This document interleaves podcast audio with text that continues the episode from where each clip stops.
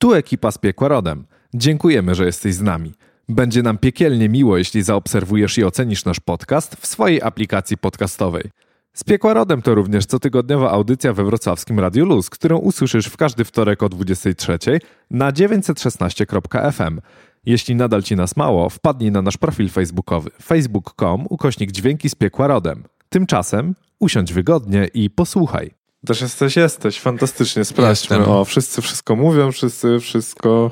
Bla, bla, bla. Tak, Nagrywają. jest Bla, bla, kultura. Bla, bla, bla. Dobra, jest kultura? Jest kultura. Na razie tak. Na, razie razie, tak, a nikt, potem- nikt sobie nie przerywa. Nie potrzebujemy marszałka, żeby nas tutaj uporządkował. A no i nikt nas stąd nie wyprowadzi, bo jesteśmy u siebie. O kurczę, ale to fajnie tak móc powiedzieć. Jestem u siebie, niczego Fajnie, nie boję. fajnie. nie? No, no, no, no, no.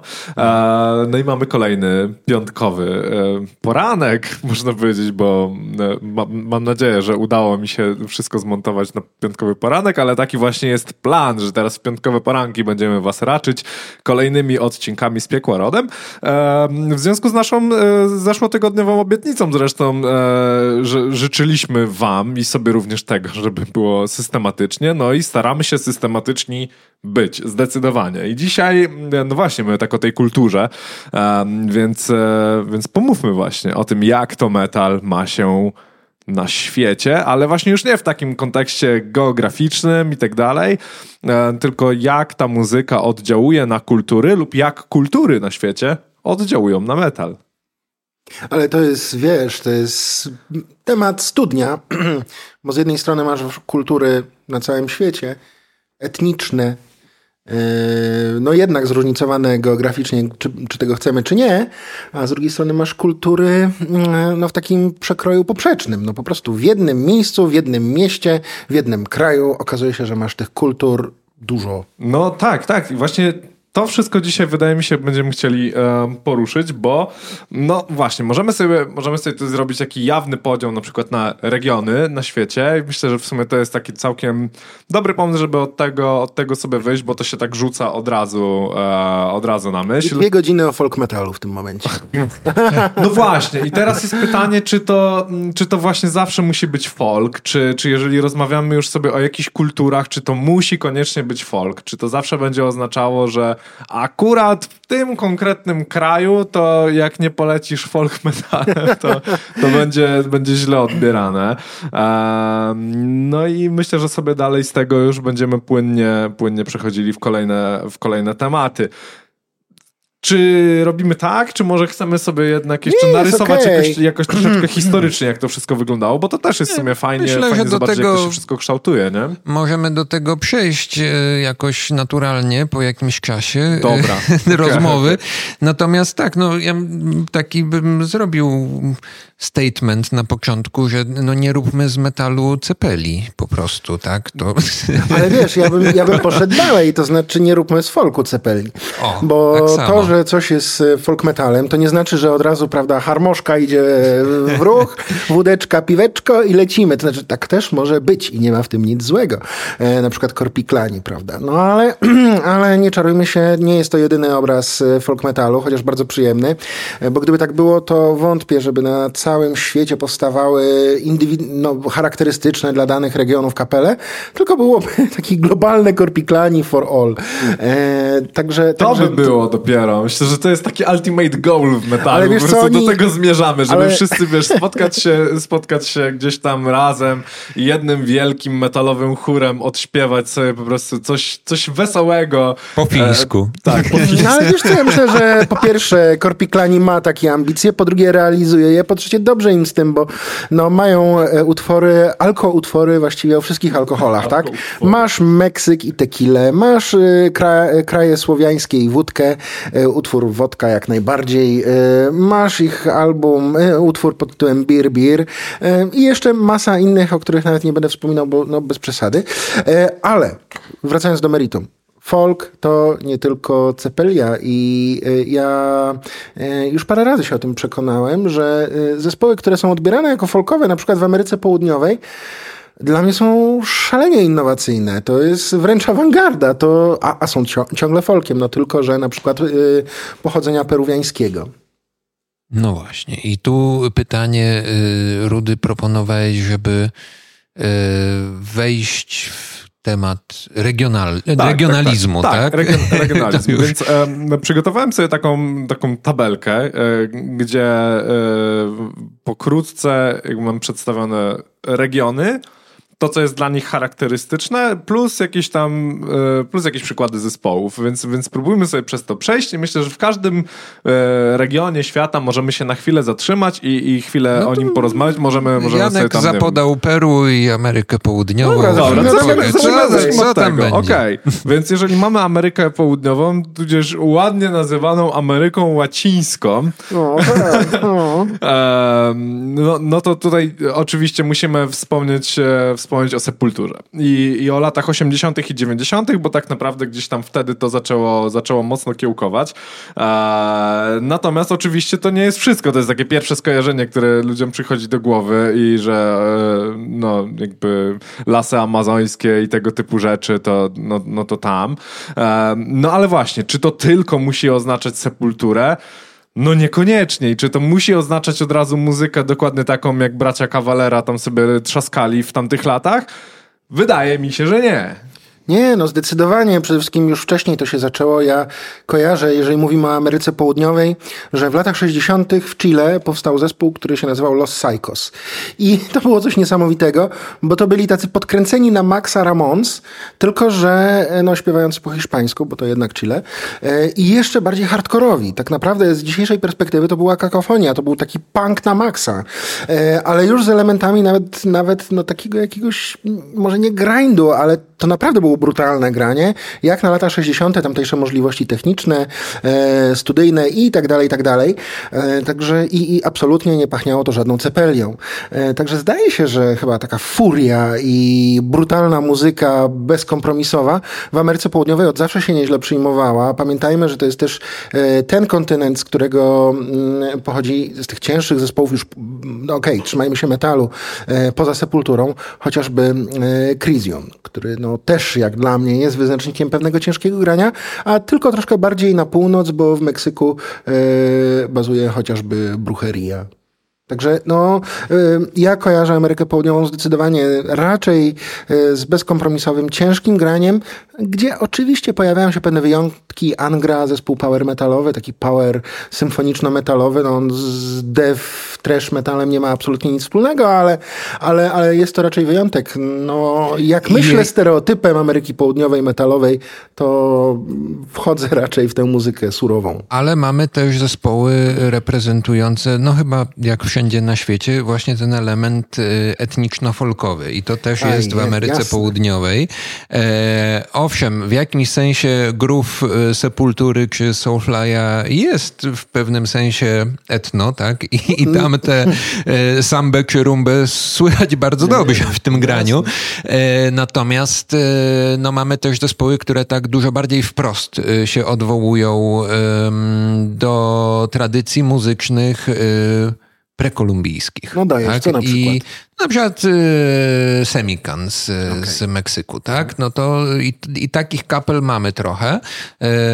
I to są zespoły, które y, w swojej tematyce coraz mocniej, wydaje mi się, że ich przybywa, no poruszają temat y, dekolonializmu, tak? Czy hmm. antykolonializmu i y, bardzo często to są też faktycznie zespoły y, tworzone przez y, no, ludności natywne, tak? To ludy pierwotne, prekolumbijskie, tak? Mm -hmm. czy mhm. potomku, potomków tych ludów. Tak? I to jest, I to bardzo, jest bardzo ciekawe, bo e, tutaj uwaga, spoiler alert, e, za tydzień z kolei będziemy wam rzucali temat nietypowych instrumentów w, w metalu, także jakby stay tuned i, i zapraszam obserwować oczywiście i, i, klikać te wszystkie dzwoneczki, inne rzeczy, żebyście dostawali powiadomienia o tym, że kolejne odcinki są już, są już dla was i właśnie to się bardzo ładnie będzie łączyło z tym wszystkim, bo, bo dziś rozmawiamy właśnie o tym, jak ta muzyka jest kreowana zlikwidowana na świecie. No a w następnym tygodniu przyjrzymy się właśnie tematowi samych instrumentów i, i to, co mówisz z tym, że, że właśnie natywne ludności danych regionów w ogóle tworzą taką muzykę, no to o tym też na pewno gdzieś tam będziemy, będziemy wtedy wspominać, ale nie wyprzedzajmy, nie wyprzedzajmy faktów.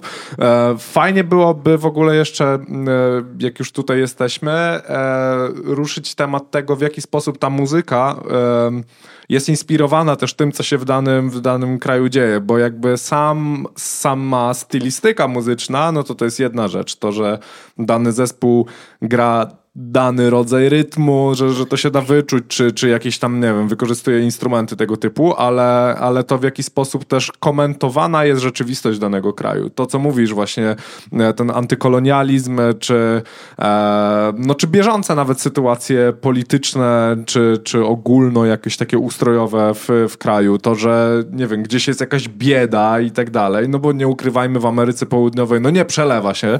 No przede wszystkim tam e, są wielkie nierówności, nie? Bo Oczywiście Oczywiście. Bogactwo takie, że po prostu oczy wyłażą z orbit, a z drugiej strony bieda, która woła o pomstę tak, do nieba. Tak, no. tak, I, i, I to też są tematy, które są tam bardzo mocno poruszane no, i, e, i to też się odciska na tej muzyce, nie? W sensie... Tak, i tu na chwilkę ci przerwę, Proszę. bo myślę, że to jest dobry moment y, znowu na element researchu, który, który zrobiłem. No. E, mianowicie y, y, jakiś czas temu w naszym starszym podcaście, gdy mówiliśmy o, o zdrowiu psychicznym. Mhm. E, Janek wtedy przywołał e, czasopismo e, Metal Music Studies, które faktycznie zajmuje się badaniami nad muzyką metalową w bardzo różnych kontekstach, ale głównie dotyczy to nauk humanistycznych. Mm, I ja na potrzeby naszego dzisiejszego podcastu przejrzałem sobie to czasopismo. Tak naprawdę wychodzi od dziewięciu lat. Mamy na ten moment tam dwadzieścia parę numerów. E, I co ciekawe, e, no temat e, metal a kultura pojawia się tam bardzo często. Na przykład właśnie w kontekście kolonializmu, ale też był na przykład cały numer poświęcony tematowi metal a kultura żydowska, metal a problematyka Holokaustu, metal a faszyzm, tak? I to był cały numer poświęcony takiemu mm. tematowi ważnemu. Poza tym, co ciekawe, od razu rzuciło mi się w oczy, że wydawca tego czasopisma, czyli wydawnictwo Intelekt, e, też wydaje książki. I wydaje książki na temat różnych form sztuki, w tym również książki o muzyce i również książki o muzyce metalowej. I Pierwsze trzy książki, które rzuciły mi się od razu w oczy w kontekście dzisiejszego podcastu, pozwolę sobie Wam powiedzieć, jakie książki. Tytuły: Heavy Metal and Disability, Mhm, Okej. Okay. E, Scream for Me Africa, czyli o metalu w Afryce w Ale kontekście... Scream for Me kontekście, tak, no, szczególnie Bruce, nierówności, nierówności społecznych. I trzecia książka, Decolonial Metal Music in Latin America. Mm. E, i to jakby też pokazuje, to, to nie są artykuły, to są całe książki, tak, już w tej chwili wydane.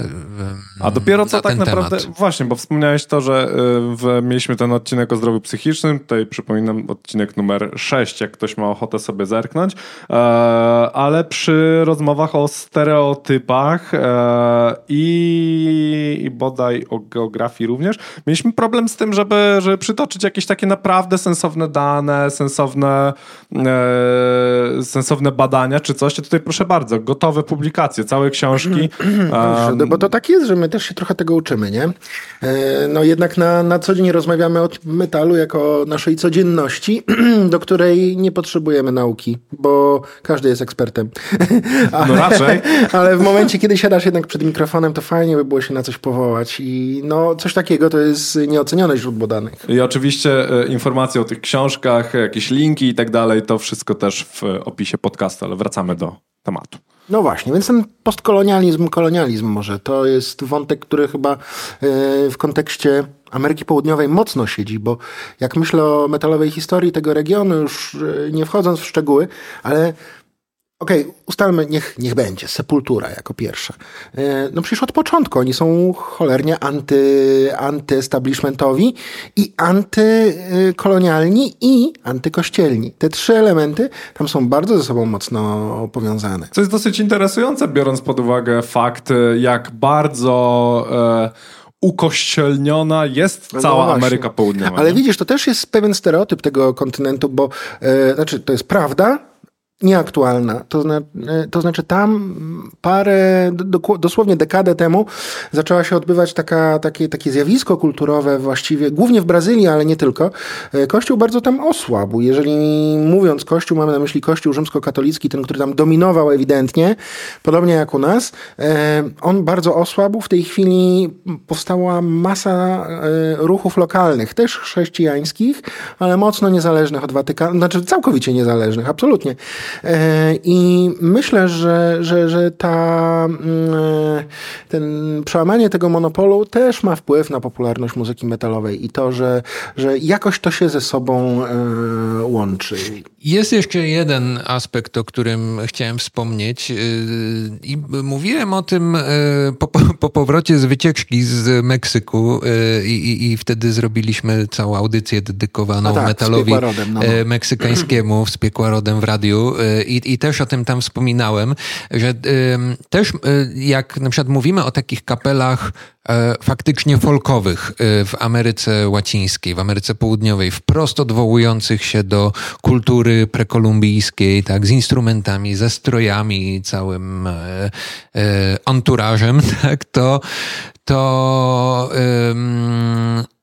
warto pamiętać o jednej rzeczy, że to nie jest e, wprost taka właśnie cepeliada, tak? Czy chęć e, zarobienia na tym, że prawda, my tu pokażemy fajny wizerunek, to się sprzeda, bo, bo turyści, bo się bogatym Amerykanom spodoba, jak zobaczą ładne stroje. Amerykanom północnym tak. dodajmy. Amerykanom północnym, oczywiście, tak. E, wszystkim gringos, że się spodoba po prostu. No i, e, i zmierzam do tego, że to nie do, nie do końca. Bo jeżeli chodzi na przykład o sam Meksyk, tak, no to, to jest kwestia po prostu tożsamościowa. Coś, e, z czym, e, nad czym e, Meksyk pracuje od ponad 100 lat, czyli ustaleniem, czym tak naprawdę jest meksykańskość. Tak? I mhm. ten element prekolumbijski jest bardzo ważny i on buduje tożsamość.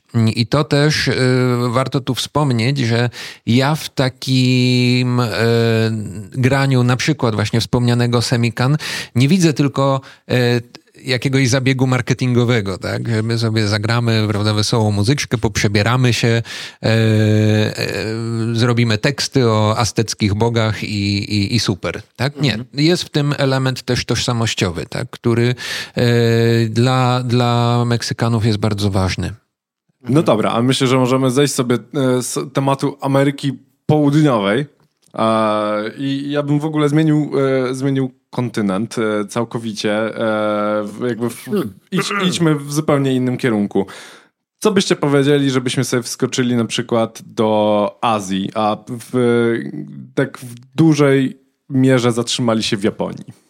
U, no, no wiesz, ja najpierw... I w Korei. O, może okay. o, no to, to, są dwie, dwie, dwa kraje, które chyba się najbardziej będą kojarzyły gdzieś w ogóle z, z muzyką metalową. Co, najpierw chciałem powiedzieć, jak powiedziałeś, że Azja, że o, stary, no ale Azja to jest i Izrael, i Indie, i Japonia, o, nie? Oczywiście, dobra, no to Ale niech, nie, nie, dobra, trzymamy się Japonii daleki, i Korei.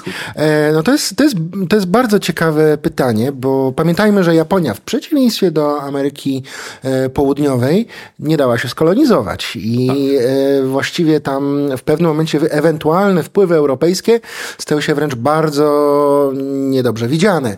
E, pomijając fakt, że nigdy, nigdy faktycznie te wyspy japońskie nie zostały skolonizowane. Korea została, ale przez Japonię, więc, e, więc no tam Europejczyków zbyt wielu nie było. No i to jest też ciekawe, że te, te dwa kraje w pewnym sensie podobne kulturowo, ale, ale to, to jest myślę, że znaczne uproszczenie, ale jednak dzielące E, podobne ważne punkty w historii, różni tak wiele, jeżeli chodzi o muzykę metalową. Japonia ma naprawdę rozbudowaną scenę metalową i to od lat.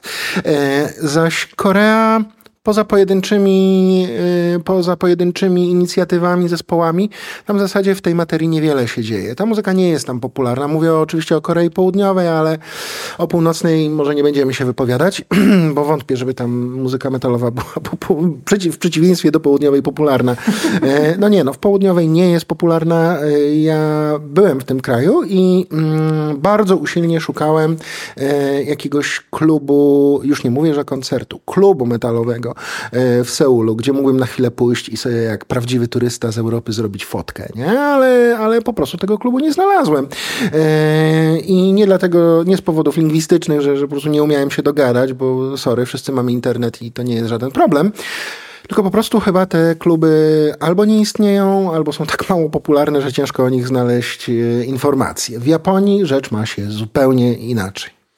Ale też y, myślę, że może ważny element jest taki, że y, Japonia y, po, po, po II wojnie stopniowo, to jakby nie, nie stało się nagle, ale opisuje się taki element kulturowego zachwytu Stanami Zjednoczonymi i inspiracjami nie tylko kulturowymi, ale też na przykład gospodarczymi. Tak? No, tak nawet no tak, tak, masz rację, I, chociaż to było chyba obustronne. I zastanawiam się jakby na ile, e, na ile e, metal e, nie przypłynął do Japonii ze Stanów po hmm. prostu, jak? Na ile to nie okay. była tego rodzaju inspiracja też kulturowa. Jaki ja miałem teraz w głowie przebłysk a propos y, czegoś ze Stanów w Japonii, ale na trochę lat przed muzyką metalową. Tak, może, mówisz, może jednak. Ameryka, może... Japonia, przebłysk, to ja w tym momencie. może, może Cenzura, jednak nie no. będę mówił. Ale, ale wiesz co, ja też o tym pomyślałem, że to ciekawe, co dała Ameryka Japonii. e, może, może wstrzymajmy konie, ale, ale dobra. Ale, no, no. ale właśnie, o. Może to jest, mm, kurczę, i tutaj nie zrobiłem researchu, ale bo, bo to teraz przyszło, przyszło mi teraz do głowy. No ale nie ma co ukrywać. Jakby historię Japonia z Ameryką mają i to srogą.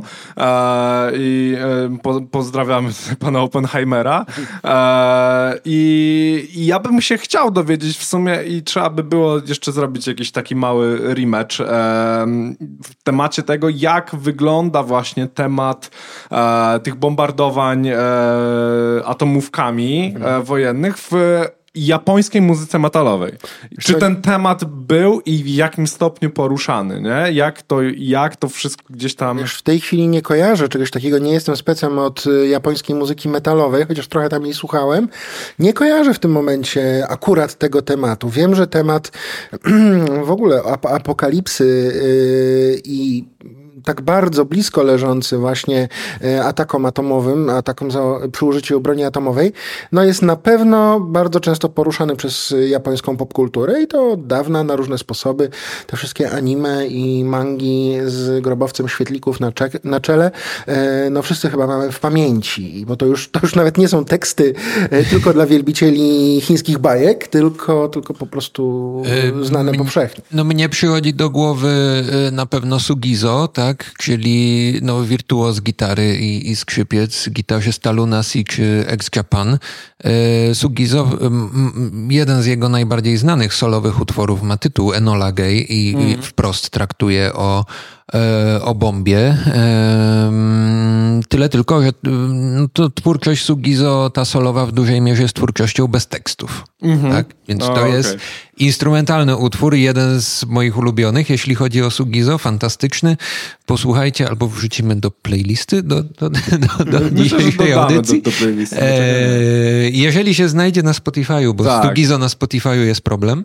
E, ale to, to jest jedyne skojarzenie, które mam, takie szczerze mówiąc y, jak, mhm. jak już poruszamy ten temat. No nie?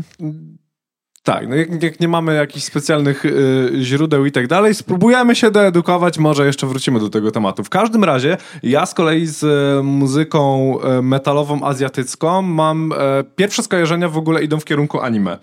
E, tak, I, o, i tak. Tu, no. Tutaj na myśl od razu przychodzi mi moje, moje ulubione, czyli, czyli Death Note, który ma doskonały opening do drugiego sezonu, który jest po prostu takim o, rozpieprzem. No jest, jest, jest, jest, jest. Jest po prostu niesamowity, mega energetyczny i tak dalej i, i jeszcze się rozwija do czegoś tak posranego, że, że aż ciężko zrozumieć, co tam się w ogóle wydarza. Um, ale no dalej idąc, jak już jesteśmy przy anime i tej kulturze właśnie japońskiej, typowo e, związanej z kinematografią, czy z, czy z komiksami i tak dalej, czy, czy też z mangą, jakoś od razu kieruje mi się gdzieś w stronę jakiegoś J-popu, K-popu, tego typu rzeczy. I to jest o tyle ciekawe, że w Japonii nie ma takiego e, strachu. Dopiero co rozmawialiśmy o tym mieszaniu się gatunków w zeszłym tygodniu. E, I wydaje mi się, że Japończycy właśnie bardzo lubią eksperymenty, właśnie łączenie na przykład popu z metalem, co, co nie jest jakieś. Nie mają z tym problemu. W ogóle nie. I, I, to, i, to... I słychać, słychać i, i to jest coś takiego dosyć unikatowego jeszcze na Ale skalę wiesz, to, światową. Wydaje mi się, że to wynika z tego, że w ogóle gatunki w kulturze, gatunki różnych twórczości, nie tylko muzycznej, tak samo malarskiej czy, czy literackiej, e, nasze europejskie gatunki, te podziały przebiegają zupełnie inaczej niż e, w Japonii. W ogóle estetyka japońska jest bardzo wsobna i specyficzna e, i mocna, to znaczy ona, ona, ona faktycznie cały czas jest żywa. E, I chcę przez to powiedzieć, że, że być może to zderzenie no, muzyki jednak gdzieś tam tkwiącej korzeniami w krajach e, e, euro, no po prostu atlanty, atlantyckich, tak? Stany Zjednoczone plus Europa, czy w ogóle Ameryka Północna plus Europa, e, w, połączeniu z japońską specyfiką i tamtejszym w ogóle myśleniem o estetyce musiały przynieść coś zupełnie, zupełnie innego. No i tutaj mi po głowie chodzą zespoły, no, no dobra, no niech będzie, metalowe, ale czy tak naprawdę metalowe? Envy albo Vampilia. No coś z pogranicza metalu, post-hardcore'u, popu mm. i jazzu. I, i, I to wszystko, to, a jeszcze do tego każdy z utworów tych, tych, tych dwóch zespołów, które wymieniłem, Envy i Vampilia, spokojnie E, możesz umieścić w większości odcinków chociażby Death Note'a. Mm-hmm. Po prostu znalazłyby się tam. Znalazłbym spokojnie sceny, które mogłyby być ilustrowane. A więc jednak ta specyfika japońska e, no tutaj mocno to modyfikuje. Ale znowu wracając do tej e, trochę amerykańskiej inspiracji, wydaje mi się, że tak e, na szerszą skalę, no to Japonia bardzo mocno stoi death metalem. Tak. Death metalem jak, i stonerem też. Tak. Mhm. I to, to, to jest wyraźne, tak? Czy właśnie jak wspomniałeś, tak, opening y, do Death mhm. Note'a, e, no on jest trochę i death metalowy i new metalowy, tak? Takie tak, tak, ewidentnie tak. new metal też tam słychać, tak? To był zespół no, Maximum de Hormone. Tak, o, trochę, trochę, trochę właśnie Sepultura z, z albumu Root. Też, też. Ale w Japonii jest też ciekawa, e, ciekawe zjawisko, e, które z kolei nie, nie jest widoczne jakoś specjalnie gdzieś indziej na świecie i to się nazywa Visual K. E, czyli, czyli tak naprawdę całe, całe występy, powiedzmy, takie, takie spektakle, e, z, gdzie, gdzie właśnie jest, jest to taka sztuka wizualna bardziej niż, bardziej niż muzyczna, ale bardzo mocno oparta o, o muzykę e, właśnie metalową, punkową, gotycką. No i tutaj i tak klasyczny dalej, tak zespół Ex Japan, tak, który, tak, tak, który, który no właśnie z Sugizo ma wiele wspólnego, bo Sugizo grał tam na gitarze. E, jest absolutnie kultowym zespołem w Japonii Japonii, przy czym raczej ze względu na działalność koncertową niż studyjną. E, I no jest jednym z, jak tak, nie mogę nie zestawić tego zespołu jednak z absolutnie muzycznie innymi zespołami, takimi jak Vampilia i Envy, ponieważ wszystkie te trzy zespoły, mimo że różne gatunki łączy e, emocjonalność, e, niesamowita. To znaczy, ja autentycznie, jak słucham tej muzyki, e, odlatuję emocjonalnie. Nie mogę nic, niczym innym się zajmować. Ona tak mnie angażuje. E, nie widziałem nigdy e, Ex Japan na żywo, żałuję, ale widziałem Wampilię i no trudno nie płakać przy tym. To, to, to, to jest autentyczna reakcja, bez żadnej przesady. E, na brutalu ludzie stali i po prostu grochy im leciały z oczu. E, co się nie zdarza na innych zespołach metalowych. Także no to jest jakaś, jakaś specyfika japońska w tym tkwi i bardzo ją cenię. Chociaż mi się zdarzyło popłakać w zeszłym roku, jak, jak no byłem, e, ale, ale to może nie przez muzykę, tylko przez to też, w jakie słowa często padają ze, ze sceny po prostu. Jak byłem w, w zeszłym roku na Architects, mhm. e, piękny, piękny w ogóle monolog e, wokalisty odnośnie odnośnie pomagania sobie, szczególnie ludziom, którzy gdzieś tam zmagają się z, z depresją i tak dalej. No ale to nie jest sprawianie, że ludzie płaczą przez, przez muzykę, nie? To, to jest zupełnie No tak, to jest zupełnie inny case. Ja wiem, ja też miałem, wzruszyłem się, kiedy, kiedy usłyszałem pierwszy raz Merciful Fate mm. na żywo, bo po prostu nigdy nie wierzyłem, że, że będę świadkiem czegoś takiego. bo wierzyłem, że może Kinga Damona tak, ale Merciful Fate gdzie tam. E, no ale to, to jest zupełnie inny tak, tak case. Tak, tak. I inne powody do płakania. Wyjedźmy sobie z, w takim razie z, z Azji. Ja myślę, że nie ma co tutaj specjalnie uderzyć w Stany Zjednoczone, bo to jest w ogóle osobny temat. Myślę, że, że całą, cały jeden program powinniśmy poświęcić Stanom Zjednoczonym jako kolebce tak naprawdę e, muzyki, muzyki metalowej i dlatego tym bardziej chciałbym to sobie... Jaka kolebka? Kolebka była w Birmingham. E, tak ale nie. Dobra, e, już, już o tym mówiliśmy, jeszcze tak. nie raz powiemy tak, tak pewnie. Tak, tak, tak więc, to... ja, więc, ja, myślę, że, że właśnie y, Stanom Zjednoczonym poświęcić możemy zdecydowanie całą, całą godzinę. Natomiast ja bym ruszył w, w nasze rejony e, i, i tutaj mamy tak naprawdę trzy obszary, które moglibyśmy poruszyć. Mamy północ, czyli mam całą Skandynawię, gdzie no, ta kultura tam jest absolutnie zabójcza. Myślałem, że powiesz dziadoszanie, wiślanie i ślężanie, ale to, to, to nie to. Eee, a to też mogłoby być niezłe. Eee, tak, polski folk metal w zależności od regionu. E, I metal kaszubski to by było całkiem niezłe. E, tak, wróćmy. Mamy Skandynawię, możemy sobie podzielić dalej Europę na wschodnią, i zachodnią. Jakby już bez, bez y, łączenia tego gdzieś tam w tym, w tym centrum, bo to wiadomo, że gdzieś się to zawsze będzie mieszać. Ale, ale no mamy wschód, gdzie mamy typowo blok postkomunistyczny e, i, i tutaj zdecydowanie przeważające takie właśnie coś, co będziemy nazywali muzyką folkową. E, I będziemy jechali sobie dalej na zachód, gdzie zaczynając od Niemców, e, od razu przychodzą nam na myśl jakieś bardziej industrialne rzeczy. I tutaj można się podśmiechiwać pod wąsem, że e, halo Rammstein, dzień dobry. No nie no, wiadomo, no to sztandarowa sprawa. Ale wiesz, jeśli chodzi o ten folk, to ja bym powiedział, że w Europie wszędzie mniej więcej tak samo, tylko w każdym miejscu inaczej, bo okej, okay, nam się kojarzy Europa Wschodnia z folkiem, bo, bo go rozpoznajemy, bo to jest nasz folk, tak? Mm-hmm. Nie wiem, tam Markona, e, ale nie tylko, też polskie zespoły, ale, ale przecież masz wspaniałą scenę folkową w Wielkiej Brytanii, e, a chyba jednak, gdybyśmy statystycznie policzyli, gdzie jest najwięcej zespołów folkowych, to ja stawiam na Finlandię i Niemcy. Ale, ale, ale to, to, to jest obstawianie, ja tego nie wiem. Ja to tylko zakładam. To, takich danych nie mam, gdzie jest najwięcej muzyki Nie, no to da się wyciągnąć z Metallum na pewno. E, myślę, myślę, że tak. Metallum jest dobrym źródłem informacji. Wejdźcie sobie w ogóle na encyklopedię Metallum. E, ale właśnie, e, może zacznijmy sobie od tych Niemców trochę, bo, bo to jest e, muzyka industrialna i w ogóle metal industrialny jest bardzo ciekawy i, i to jakby skąd to się gdzieś tam wywodzi, to też... Wiesz, wiesz co, Rudy, mi się wydaje, że ja, ja mam problem z Europą tak, taki, że moja teza jest taka, że tutaj rozwój tych gatunków w poszczególnych miejscach... problem z. Sorry, musiałem. E, nie tego typu problem z Europą. Okay. Ja jestem euroentuzjastą generalnie, ale, ale e, mój problem w mówieniu o, o Europie... Jeny! Dawaj, jedziesz, no. Już się nie śmiejemy, no. Zaraz Korwina zacznie cytować. E, dobra, albo Brauna jeszcze. Dobra, don't make stupid people famous.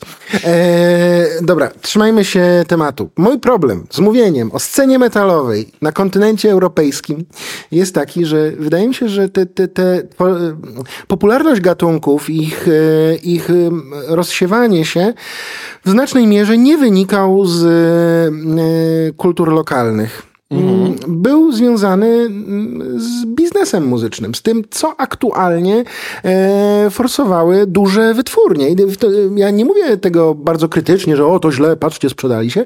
Nie, nie, no po prostu były mody i w Europie, jak mało gdzie, może jeszcze w Stanach właśnie, te mody były bardzo istotne w tym, e, w kształtowaniu się tego, czego ludzie akurat chcieli słuchać. No, popatrzmy na Niemcy. Mówisz industrial. Jasne, oczywiście, ale Niemcy to przede wszystkim w latach 80. hard hard rock i heavy, nie? Ależ oczywiście. E, od, poczynając od Skorpionsów, którzy już zaczęli robić karierę na początku lat 70. bo to się wtedy świetnie sprzedawało, na tym robiło się kapitalny biznes. E, jak zaczęło się robić głośno o black metalu, no to europejski biznes black metal poniósł na całą, e, na cały kontynent. Oczywiście, że najpierw była Skandynawia, no najpierw to w ogóle była Wielka Brytania, ale, ale jeżeli mówimy o tej fali lat 90., no to była Skandynawia. I trochę Niemcy.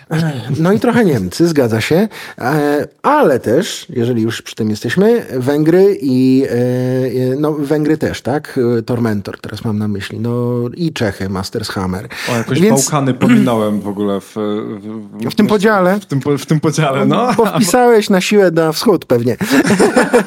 nie, no ale poważnie, wydaje mi się, że, że, że u nas po prostu, u nas oczywiście, że, że w Europie, u nas w Europie, o, żeby nie było, że jestem eurosceptykiem, a więc u nas w Europie, e, mm, wydaje mi się, że e, jak mało gdzie ten metal rozwijał się inaczej. Z innymi e, nie możemy powiedzieć, że, że to jest tak jak w Ameryce Południowej, w Afryce czy, czy w Azji. E, to było mocno gatunkowe. Nie? Tak, tak, tak mi się a, wydaje. A teraz wydaje mi się, że e, to co, to, co właśnie odnosi się do tematu metala kultura, a w czym Europa trochę zaczyna przodować, to jest y, faktyczne komentowanie takiej realności kulturowo-społecznej, niekoniecznie wprost politycznej, tak? ale mam na myśli na przykład e, to pojawianie się tematów y, około genderowych w metalu. A, okay. tak? Zarówno y, nie tylko mam na myśli teksty metalowe, ale mam na myśli no, całe kreowanie wizerunków, tak? czy tworzenie wizerunku kobiet w metalu, tak? ta feminizacja metalu, no to wydaje mi się, że to jest jest y, przede wszystkim Europa no, też normy, i trochę Stany Zjednoczone. No, też, tak? też, też normy, które zaczynają obowiązywać chociażby podczas y, wydarzeń metalowych. No, e, pojedź sobie na Brutal Assault i zachowaj się w sposób e, taki dziadersko-szowinistyczny e, wobec kobiety. No to, to będzie z automatu no, taki, tak, będą cię patyczkiem odsuwać. No, I bardzo dobrze. Nie, no, bardzo dobrze.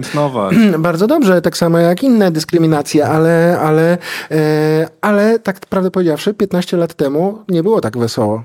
No właśnie, i to jest y, ten, ten trend, y, o którym ja od początku myślałem, zastanawiając się nad, y, nad naszym dzisiejszym podcastem, że no to jest ten inny wymiar tematu metal a kultura, czyli to ten, ten wpływ, takie wzajemne kształtowanie się realności jakiejś kulturowo-społecznej, tak? No bo tutaj już mowa o, o tematyce gender czy pozycji kobiet w metalu, no to już już jakby nie ma nic wspólnego z tematem etnicznym. Tak? To no nie, jest, ale, ale być może właśnie wejście do Europy y, jest dobrym przejściem y, od etniczności do, do, do zjawisk, które tak naprawdę przebiegają w poprzek etniczności kompletnie. Tak, nie? temat, który kiedyś e, poruszyliśmy, ale chyba go nie wyczerpaliśmy do końca i to też by było na osobny podcast, tak? Czyli y, trudne momenty historii metalu, czy takie obszary y, metalu, które się kręcą wokół tematyki nazizmu, a mm. teraz y, coraz częściej tematyce E, wprost antyfaszystowskiej, antytotalitarnej, tak? I, i, i zupełnie inne kreowanie wizerunku ja Myślę, że metalu, możemy no zdecydowanie jeden, jeden podcast poświęcić na, na coś takiego, jak, jak trudne, zderzenie, trudne, zderzenie tych dwóch Trudne światów. zderzenie, trudne tak, trudne zdarzenia. No, trudne tak. zdarzenia, no. no to no, prawda. Myślę, myślę, że tak. Um, natomiast też tutaj warto, jak już jesteśmy właśnie też przy Europie, wspominaliśmy któregoś razu o tym i to się bardzo fajnie klei z tym tematem, a szczególnie właśnie jak, jak rozmawialiśmy o skandalach Skandynawii, to, to ten wpływ muzyki na sam region, bo to też jest, bo to też jest dosyć ciekawy temat.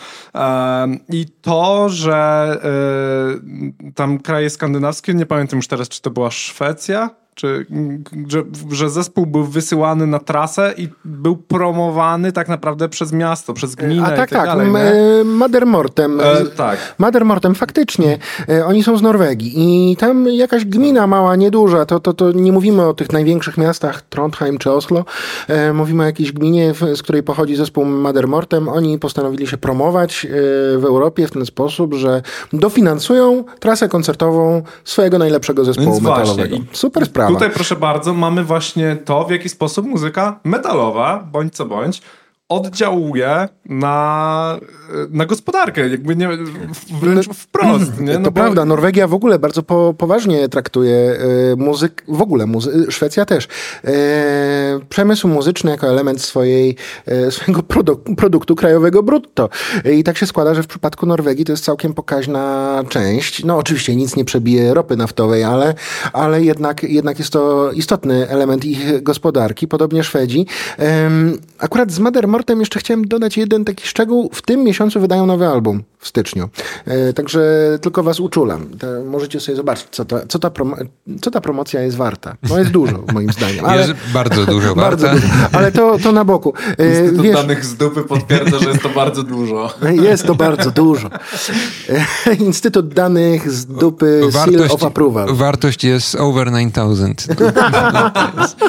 Dobra, ale słuchajcie, jeżeli chodzi o relacje między metalem a kulturą lokalną, jak to się ma, no na pewno w krajach skandynawskich skandynawskich, mi się wydaje, że tam to już jest taka trochę postkultura. To znaczy, oni nie tylko mm, są świadomi swojej metalowości i tych wszystkich stereotypów, które się wiążą z muzyką metalową i Skandynawią, ale oni to pięknie ogrywają, oni to wykorzystują.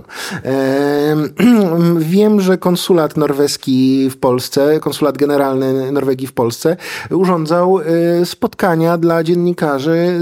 To były warsztaty metalowe. To znaczy jak mówić o muzyce metalowej w kontekście Norwegii i e, czym jest metal dla Norwegii. Przede wszystkim to nie jest tak, że to jest jakaś muzyka ludowa, że to wyrosło z norweskiej muzyki ludowej, bo absolutnie tak nie jest. E, ale no dzisiaj jest żywym składnikiem ich kultury i oni jak najbardziej w konsulacie o tym mówią. Wyobraźcie sobie, no taki przychodzi pan konsul w gajerku, e, w cylindrze i mówi, a dzisiaj chciałbym państwu poopowiadać troszeczkę o scenie metalowej w Oslo, która radykalnie różni się od tej sceny, którą mamy w Trondheim. No, ja myślę, że, że to byłoby coś, co by mnie skłoniło ku temu, żeby się bardziej zainteresować tematami politycznymi. I dyplomacją. dyplomacją. No, ale jeżeli mówimy o innych krajach, yy bywa tak, że są miasta w ogóle na świecie, które są kojarzone ze sceną muzyczną bardzo, bardzo specyficzną dla danego miasta. I tak jest w przypadku Bristolu albo właśnie Birmingham. E, byłem teraz zaskoczony, byliśmy w Krakowie z Tomkiem na wystawie Banksiego, gdzie, gdzie, gdzie Banksy zaczynał od Bristolu właśnie, no a przecież Bristol to trip-hop. I, I faktycznie tym soundtrackiem często do, do oglądania prac Banksiego był trip-hop i Myślę, że w Europie, czy w ogóle na świecie są też miasta, które mocno kojarzymy z konkretnymi e, scenami muzycznymi i to nawet metalowymi. E, chociażby scena muzyczna Göteborga, e, czyli melodyjny death metal, który właśnie w Göteborgu nabrał specyficznego brzmienia i mocno się wiąże z tamtymi realiami, właśnie z tym miastem. Podobnie... No i myślę, że to właśnie a propos mód, o których wcześniej mówiliśmy, tak, no melodyjny death metal przyjmujący rynek pod koniec lat 90., początek 2000, ten, ten prawda? Czas. I ten wpływ y, gdzieś tam z Göteborga na, no, na całą Europę, tak? I tę scenę y, melodyjnego death metalu, kształtujący później... jako modę też. No, oczywiście i dzisiaj mamy zespoły, które ten styl na naśladują i w Niemczech, i we Francji. E, ale dobra, nie będziemy rzucać teraz nazwami. E, kolejne takie miasta, no Seattle i, i, i grunge. No ile Oj, grunge, no trudno powiedzieć, że to jest metal, to jednak obok metalu leży i jak dla mnie ma wiele cech wspólnych. New York Hardcore. New York Hardcore, to prawda. No, to, yy, ale słuchajcie. No, myślę, scena z Nowego Orleanu jeszcze. Jest jak najbardziej, ta taka sludge'owo-stonerowa. Ale myślę, że skoro jesteśmy przy tym, Myślę, że możemy również śmiało powiedzieć, że my mamy u nas nasz śląski metal, bo y, śląska scena metalowa po pierwsze ma swoje korzenie dawno, bo to już kat. Przecież zespół jak najbardziej śląski, gdzie Romek Kostrzewski był również górnikiem. Y, on wiele zawodów wykonywał, również ten, ale współcześnie, o ile dobrze pamiętam, znaczy furia na 100%, ale powiązania, powiązania, powiązania mgły czy Gruzji ze Śląskiem też są mocne. No to może się doczekamy promocji. E, czy, czy metal jest śląski? Czy Śląsk jest metalowy, tak? To zobaczymy. jak Trzymamy jesteś, kciuki. Tak, jak jesteśmy przy, przy Śląsku, to taka dygresja całkowicie niezwiązana z metalem, ale e, miałem w ogóle to co, to, co Śląsk robi, jak promuje swoją kulturę, bo, bo to, jest, to jest dosyć ciekawe. Um, oni w, w kinach studyjnych puszczają teraz jakieś stare filmy, e, typu Pulp Fiction albo, albo Terminator, tego typu rzeczy e, i na żywo robią śląski dubbing. E, gdzie siedzi po prostu Aha. lektor i na żywo czyta po prostu po śląsku e, dany film. I byłem, e, byłem z, z moją żoną Zuzią na Pulp Fiction, gdzie dwóch lektorów siedziało po prostu i, i, i jechało. A gdzie to było? To był Światowit, kino, kino Światowit. Okay. I w, Katowicach. I, I no po prostu siedzi dwóch gości. Do połowy filmu jeszcze dawali radę, ale potem widać było po nich, że, że już siedzą i kisną, już sami nie mogli. Tam już resztkami tchu po prostu y, kończyli, kończyli ten film. Ale, ale to właśnie mm, wracając do kwestii samej kultury, pokazuje też to, jak Śląsk dba o to, żeby, żeby ta ich e, śląskość właśnie nie, nie, nie zanikła i, i wydaje mi się, że, że to też w muzyce tego aż tak bardzo nie słychać, nie? W sensie, że owszem, są te zespoły ze Śląska i tak dalej, ale one, one z kolei e, no na przykład tej całej gwary śląskiej no nie, nie wykorzystują specjalnie, nie? A mogłyby i to by też było bardzo, ja, bardzo fajne. Ob, obstawiam, że to jest przed nami i lada moment jak najbardziej, to się jak pojawi. Najbardziej. Ja, ja jestem w ogóle ja mistrzem rzucania za... świetnych pomysłów, więc e, zapraszam. No. Zespoły ze Śląska. Typowo, e, typowo tak. śląskie produkty, riffy i gumiklizy. Tak. tak, tak. Już nikt nie pamiętał o wunglu. No. metal z Hasioka. E, dobra, e, słuchajcie, bo myślę, że, że powinniśmy powoli zbliżać się gdzieś tutaj do końca, a jeszcze mamy jeden dosyć ważny temat e, w tym wszystkim, żeby zrozumieć tak naprawdę skąd się pewne rzeczy też w, w metalu biorą, skąd pewne przemiany, e, biorąc pod uwagę też e, właśnie kraje i tak dalej, warto zerknąć właśnie na ten rys historyczny, o którym gdzieś tam zdążyłem już e, wspomnieć. E, I Tomek, ty miałeś jakiś fajny artykuł, 10 takich punktów przełomowych w ogóle w, w metalu. Tak, Myślę, znalazłem. że warto byłoby sobie to teraz prześledzić. E, źródło myślę, że dość solidne, bo mowa o magazynie Kerrang, więc myślę, że jeśli chodzi o jak zaczynamy o historii metalu, no to magazyn istotny dla historii mhm. metalu. E, artykuł z 2020 roku, więc stosunkowo świeży i 10 e, e, najważniejszych kulturowych przemian w metalu. O. I idziemy chronologicznie. Jako pierwszą wskazano The Death of the Summer of Love. E, koniec ery hipisów, tak, e, okres wojny w Wietnamie, e, narodziny Black Sabbath i ten czas, tak? I, i, i myślę, że gdyby dokładnie wniknąć, to te zjawiska, które wymieniłem, były powiązane ze sobą. A, to jest, bardzo, to jest bardzo, cieka bardzo ciekawe. Mi się też przypominają wywiady z Ozzy Osbournem, gdzie on mówił, że Właściwie u zarania Black Sabbath był, było to, że dla nich hipisi to byli niepoważni ludzie i, i w ogóle jacyś ludzie kompletnie odklejeni od rzeczywistości. E, bo, bo w tej brudnej rzeczywistości Birmingham no, miejsce na dzieci kwiaty było głęboko pod ziemią, tak myślę. Punkt drugi e, to jest inkorporacja punka czyli mm. włączenie i tematyki, i muzyki punkowej przez zespoły metalowe, może nawet bardziej tematyki, tak, tej alternatywności i buntu właśnie do metalu, co też było i w Wielkiej Brytanii. I takiej bo... antyestetyczności, nie? Że to wcale nie musi się podobać. Tak, myślę, że trashowa scena amerykańska, czy, czy, czy... Nie o to chodzi. E, czy nowa fala brytyjskiego heavy metalu, tak, no to właśnie dobre no. przykłady mm. tego, tak.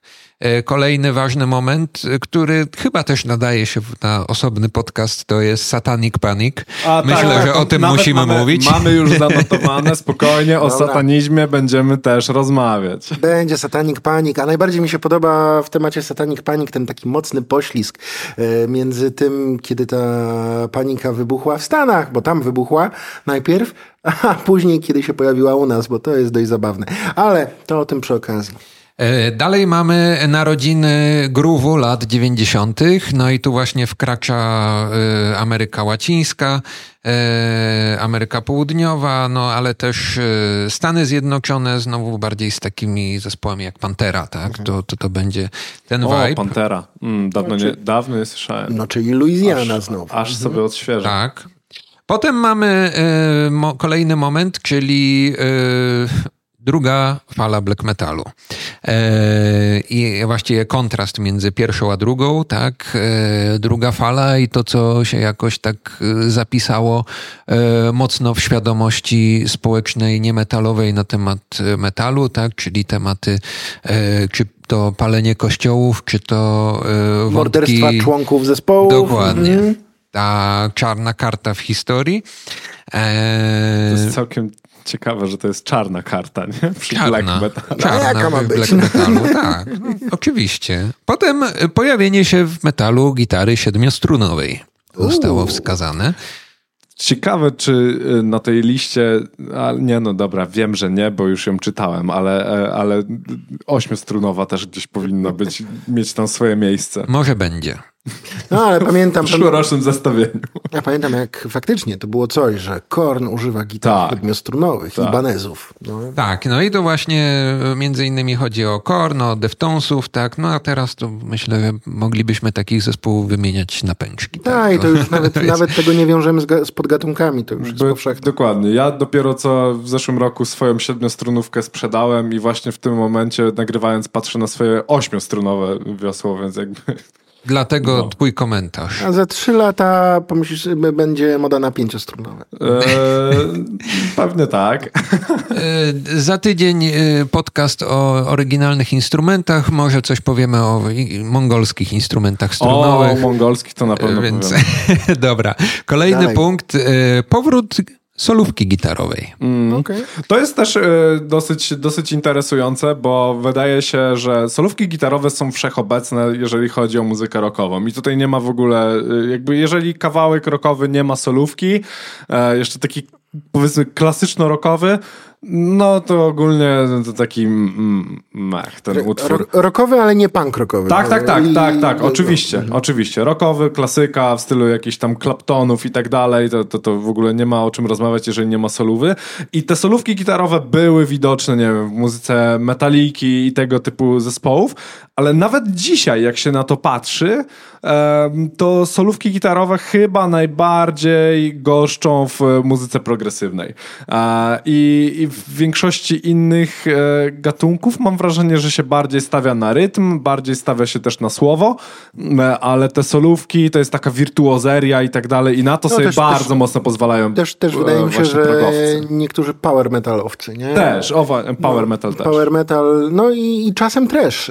W trashu, no właśnie, już zostawmy metalikę, ale no Slayer... No tak, w nowoczesnym trashu też jak najbardziej tam to też leży. No. Ale na przykład jedna z moich ulubionych solówek yy, w metalu to są solówki Shining.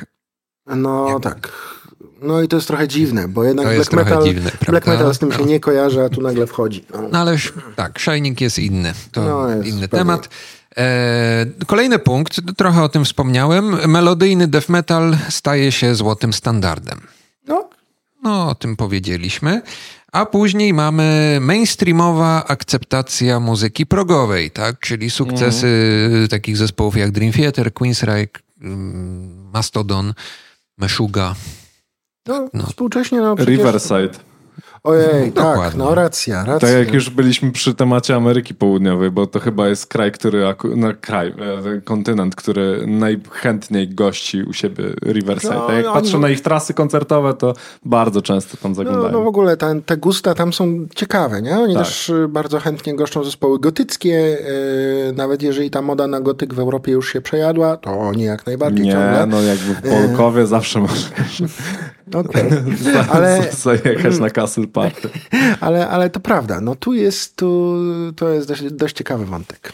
No i y, ostatni punkt, y, też o tym wspomnieliśmy, y, no to ruch y, antyfaszystowski. Mhm. Mm, tu też jakby y, jest y, ciekawie to przedstawione w tym artykule z takiej perspektywy bardziej amerykańskiej, jak mocno to wybrzmiało, ten ruch w Stanach Zjednoczonych po wyborach, w których wygrał Trump. Mhm. Aha. I to, to, to był taki element bardzo widoczny i zauważalny w, na, w amerykańskiej scenie metalowej. Aha, a to wiesz, że to jest ciekawa sprawa i muszę o tym więcej poczytać, bo nie słyszałem o tym. Nie wiedziałem, że.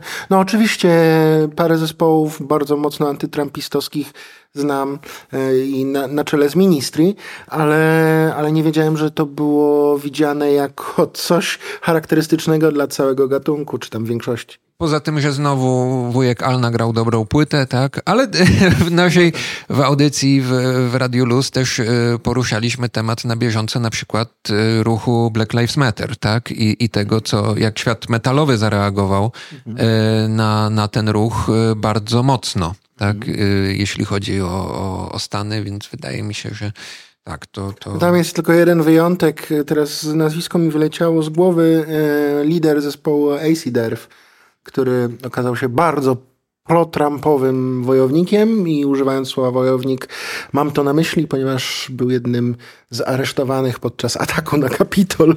O! No. No dobrze, że niektórzy jednak kończą w więzieniach, nie? Właśnie nie wiem, czy wylądował w więzieniu, ale był aresztowany.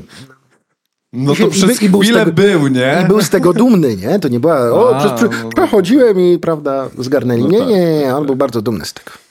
Słuchajcie, myślę, że e, możemy ten temat dzisiejszy, bo nie ukrywam, że, że czuję, że tak tylko trochę podrapaliśmy sobie tam powierzchnię. A myślę, że tak naprawdę dla każdego z takich e, głównych regionów metalowych powinniśmy poświęcić, e, poświęcić osobno osobno tą godzinę, 45 minut na to, żeby w ogóle o tym, o tym gdzieś tam poga e, pogadać.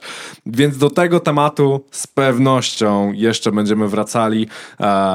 Myślę, że jednak na dzisiaj, biorąc pod uwagę, że to już ponad 50 minut gadania, panowie, możemy, możemy w tym miejscu zakończyć. Jednocześnie, Tomek, proszę. Ja jedną prośbę tylko do, do słuchaczy. Ja prośbę zawsze chętnie. E, jak znacie, jak jakieś e, metalowe e, bendy, co śpiewają po śląsku, to nam powiedzcie Oj tak, obowiązkowo, obowiązkowo. Wtedy na pewno machniemy cały, cały program o tym, a i, a i będziemy się próbowali na pewno kontaktować z tymi zespołami, żeby same coś nam jeszcze o sobie opowiedziały. E, także jeżeli macie gdzieś tam wśród znajomych kogoś, kto po śląsku, to, to my bardzo chętnie ich tutaj przytulimy. E, a, a mamy e, ramion aż sześć, to jest czym przytulać. E, i tym optymistycznym, e, śląskim akcentem e, kończymy kolejny już bodaj dziewiąty, chyba dziewiąty odcinek e, z, z, Piekła Rodem.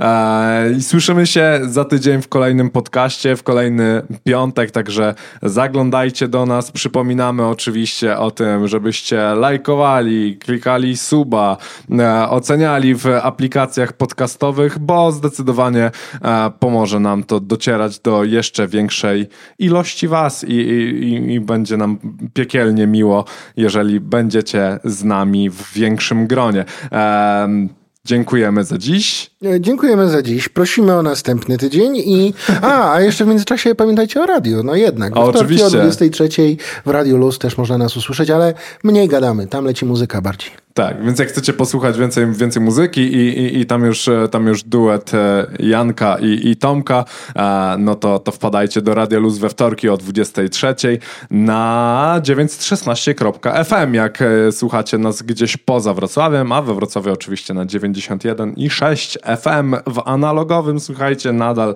radiu można też tego, tego posłuchać. Jest old school, jest no? old school, ale old school wraca i to jest inny temat, który też moglibyśmy poruszyć. Niemniej jednak za tydzień tydzień. A za tydzień słyszymy się w programie o nietypowych instrumentach. Dzięki wszystkim. Trzymajcie się. Do usłyszenia.